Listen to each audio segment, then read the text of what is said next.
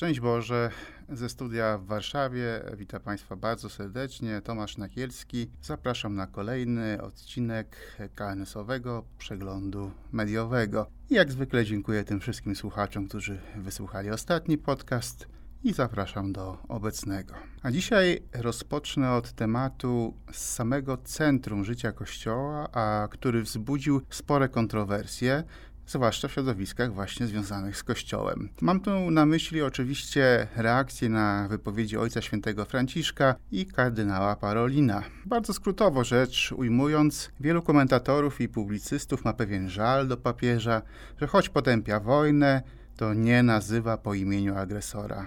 Natomiast sekretarz stanu Watykanu, kardynał Pietro Parolin, został poddany krytyce za stwierdzenie, że wysyłanie broni do Ukrainy może wywoływać eskalację, chociaż oczywiście rozumie on prawo do uzasadnionej obrony. Zacząłem od tego tematu, bo jest ważny, ale paradoksalnie nie zamierzam go w tej chwili jakoś mocno opisywać czy zgłębiać. Po pierwsze, o kwestiach rozumienia i oceny wojny przez KNS rozmawialiśmy w poprzednim odcinku. Po drugie i ważniejsze, uważam, że w tak trudnym czasie ostre spory w kościele, a jeszcze skupione wokół widzialnej głowy Kościoła, są delikatnie mówiąc niepotrzebne. Mam wrażenie, że mylą się nam często, nie bez pewnej pomocy oczywiście, wymiary wypowiedzi papieża jako proroka, jako teologa i jako dyplomaty. Szukając gdzieś w czasopismach artykułu, który mógłby to wyjaśnić, dość przypadkowo znalazłem celną refleksję, ale na tak zwanych social mediach. Post autorstwa księdza profesora Andrzeja Draguły mam tutaj na myśli. Można zatem powiedzieć, jak post, to post. Posłuchajcie, drodzy słuchacze, e, fragmentów tej wypowiedzi. Kościelnej dyskusji napisał ksiądz profesor Draguła na temat wojny w Ukrainie istotnym problemem jest rozgraniczenie płaszczyzn dyskursu i właściwe przechodzenie między nimi, co wcale nie wydaje się takie łatwe. Jest płaszczyzna czysto duchowa, Trudno by na tej płaszczyźnie ktoś pochwalał wzrost wydatków na zbrojenia. Na tej płaszczyźnie jakakolwiek wojna zawsze będzie złem, bo nieuchronnie prowadzi do cierpienia i śmierci. I dalej pisze ksiądz profesor, jest płaszczyzna teologiczno-etyczna, która analizuje warunki i kryteria wojny sprawiedliwej, słusznej obrony, prawa do posiadania wojska, adekwatności zbrojeń i tak dalej, i tak dalej. Czyli, przepraszam, że zrobię tutaj swój trend, to wszystko, co jest jakby przedmiotem zainteresowania katolickiej nauki społecznej. I dalej pisze ksiądz profesor tak. Jest jeszcze płaszczyzna dyskursu dyplomatycznego, która bierze pod uwagę aktualne uwarunkowania, ewentualne zyski, straty polityczne, możliwość mediacji i unikania dalszej eskalacji wojny. Może z Franciszkiem, a już na pewno z Parolinem, problem polega na tym, że wszystkie trzy płaszczyzny zostały pomieszane, już nie bardzo wiadomo, z którego dyskursu jest dana wypowiedź. Koniec cytatu. Wydaje mi się, że można powiedzieć nic dodać, nic ująć. Dlatego zwracam się z prośbą do słuchaczy i do siebie, żeby próbować gasić jednak te negatywne emocje, do których również sam się przyznaję, poprzez staranne rozeznawanie, w której płaszczyźnie wypowiada się w, da w, danym momencie Ojciec Święty. To może pomóc w bardziej racjonalnej recepcji Jego słów. Ale, szanowni słuchacze, warto pomodlić się i to tak starannie się pomodlić w intencji ludzi z otoczenia papieża, by jeszcze więcej serca i pracy włożyli w to, by wspomniane konteksty były jasne dla odbiorców i żeby się nie mieszały. Powiedziałem o wypowiedzi księdza profesora Draguły nic dodać, nic ująć.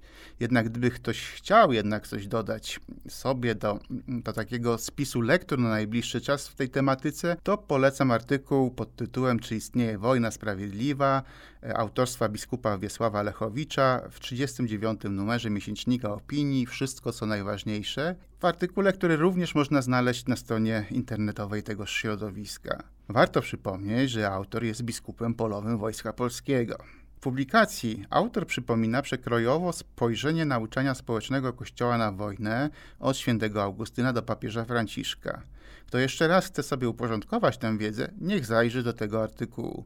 Co ciekawe, dowiedziałem się o nim na bardzo ciekawym wieczornym spotkaniu online. Było to pierwsze z cyklu spotkań poświęconych katolickiej nauce społecznej i jej odniesień do współczesności w ramach Instytutu Katolickiej Nauki Społecznej Stowarzyszenia Civitas Christiana. Wykład księdza profesora Arkadiusza Wuwera oraz dyskusja była również znakomitym opracowaniem aspektu moralnego działań wojennych. Jeśli słuchamy kanesowego przeglądu mediowego, mm, to nie możemy uniknąć tematu mediów. Z aktualnego numeru kwartalnika Społeczeństwo polecam Państwu artykuł Michała Stachurskiego mówiący o potrzebie działalności mediów, a autor pokazuje w nim, jak działalność mediów jest rozumiana w świecie filozofii polityki i przygląda się wybranym kierunkom tejże filozofii na temat mediów i ich wolności w działaniu. Te wybrane kierunki to ujęcie liberalne, konserwatywne i personalistyczne. Artykuł porządkuje wiedzę na ten temat i odnosi do współczesności,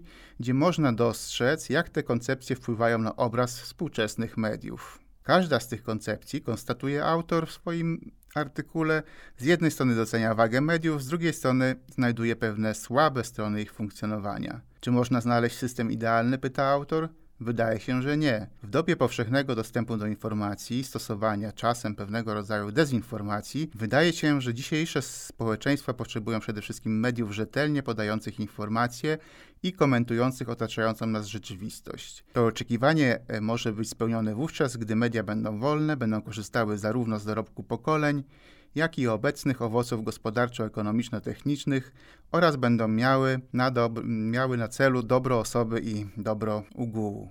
Koniec cytatu. Szanowni Państwo, artykuł, jak wspomniałem, porządkuje wiedzę na temat wybranych koncepcji z zakresu filozofii polityki w odniesieniu do mediów, ale niestety trzeba dodać, że w dobie mediatyzacji polityki i polityzacji mediów, jak również pewnego dyktatu komercjalizmu, trudno jest konstruować pozytywne przesłanie wobec mediów. Jednak nikt katolicką naukę społeczną nie może zwolnić z potrzeby czy z obowiązku widzenia tych negatywnych trendów, ich moralnej oceny, no i przynajmniej podejmowania próby przeciwdziałania. Jednym z negatywnych przejawów funkcjonowania mediów jest z pewnością ich bardzo mocne zideologizowanie w ujęciu neomarksistowskim. Być może jest to jeden z powodów, dla których, jak podał portal Opoka, katolicka wspólnota młodych w Niemczech nie mówi już o Bogu, ale o Bogu plus. Zmiana ta ma być środkiem przeciwko dominującemu męskiemu wyobrażeniu Boga.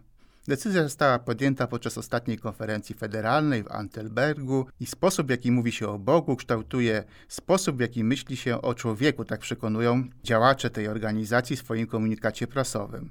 A ponieważ organizacja uważa, uważa za istotne, aby ludzie mogli się rozwijać niezależnie od swojej seksualności, religii i pochodzenia, chce być tak inkluzywna, jak tylko to możliwe. Akceptacja e, wielu różnych poglądów na temat Boga wpisuje się w ten trend. Kto słucha cyklicznie kanesowy przegląd mediowy wie, że często pokazujemy aspekt sporu cywilizacyjnego, również te ocierające się o absurd, a nawet y, śmieszność aspekty tego sporu. Nie wynika to z jakiegoś ideologicznego masochizmu, ale właśnie te graniczne fakty, wydarzenia, poglądy pokazują najlepiej, w jaką stronę zmierza neomarksistowska rewolucja i z czym trzeba się będzie niedługo zmierzyć. Choć na ogół komentarze w przekazie medialnym są oceniane negatywnie, to jednak w tym przypadku na szczęście portal Opoka nie bał się skomentować tej informacji. I czytamy tak. Biblia już na pierwszych kartach Księgi Rodzaju mówi nam, że Bóg stworzył człowieka na swój obraz i podobieństwo, jednocześnie nauczając, że stworzył go mężczyzną i niewiastą. Jezus objawia nam Boga jako Ojca i pragnie, abyśmy tak zwracali się do Niego, jako do naszego Ojca w niebie. Jednocześnie Bóg nie waha się porównywać samego siebie do matki. Jak kogo pociesza własna matka, tak ja was pocieszać będę, w Jerozolimie doznacie pociechy. W Bogu jest zawarte więc i ojcostwo, i macierzyństwo. Przypisywanie mu płciowości na sposób ludzki jest oczywistym błędem. W nim jest cała pełnia, natomiast ludzka płciowość wyraża relacyjną naturę trójjednego Boga, który jest miłością. I pisze dalej autor mm, tego komentarza: Nie ma więc potrzeby do imienia Bożego dodawać żadnych plusów ani gwiazdek. Wystarczy wczytać się w Biblię, z której jasno wynika, że Boga nikt nie widział, ten jednorodzony Bóg, który jest w łonie Ojca, o nim pouczył. Jeśli pragniemy Boga, nie twórzmy go na obraz człowieka, ale zwróćmy się do Jezusa, który zna Ojca i objawił nam całą prawdę o nim. Drodzy słuchacze, myślę, że jest to najtrafniejsza puenta również dla problematyki KNS-owej przywoływanej w podcaście. Jeśli szeroko rozumiane środowiska KNS-owe widzą trudność w rozwiązywaniu palących problemów społecznych w duchu KNS, to zawsze warto się zastanowić, czy czasem nie tworzymy jakiejś katolickiej nauki społecznej, może nie z gwiazdką czy z plusem, ale jednak na obraz człowieka, a nie Pana Boga.